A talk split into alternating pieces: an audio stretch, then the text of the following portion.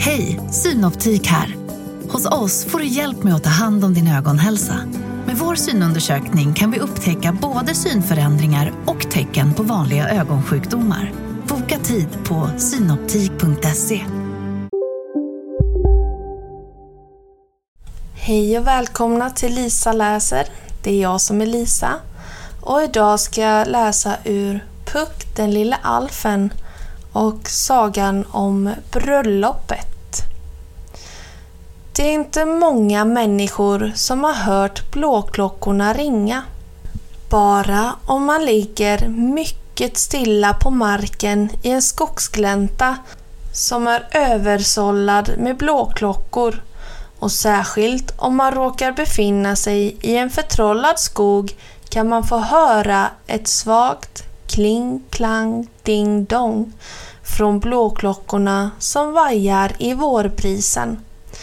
Det är skogens allra vackraste musik. En dag när Puck hängde och dinglade i en blåklocka för att den skulle ringa fick han höra en röst bakom sig.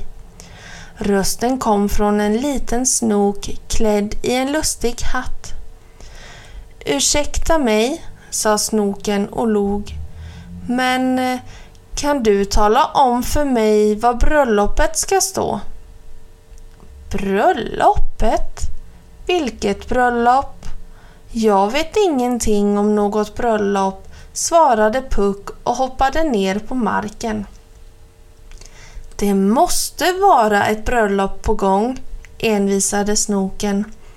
Jag hörde ju klockklangen alldeles tydligt och när klockorna ringer betyder det alltid bröllop. Så fort jag hörde klockklangen tog jag på mig min bästa hatt och gick ut för att titta på bruden. Ja, jag tänkte att jag kanske till och med skulle kunna bli bjuden på lite bröllopsmiddag. Middag! utbrast Puck.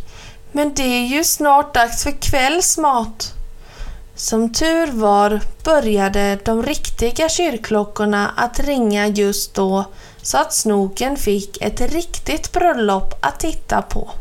Måltiden efter ett bröllop kallas alltid bröllopsmiddag, vilken tid på dagen som helst, ropade han över axeln till Puck och ringlade iväg.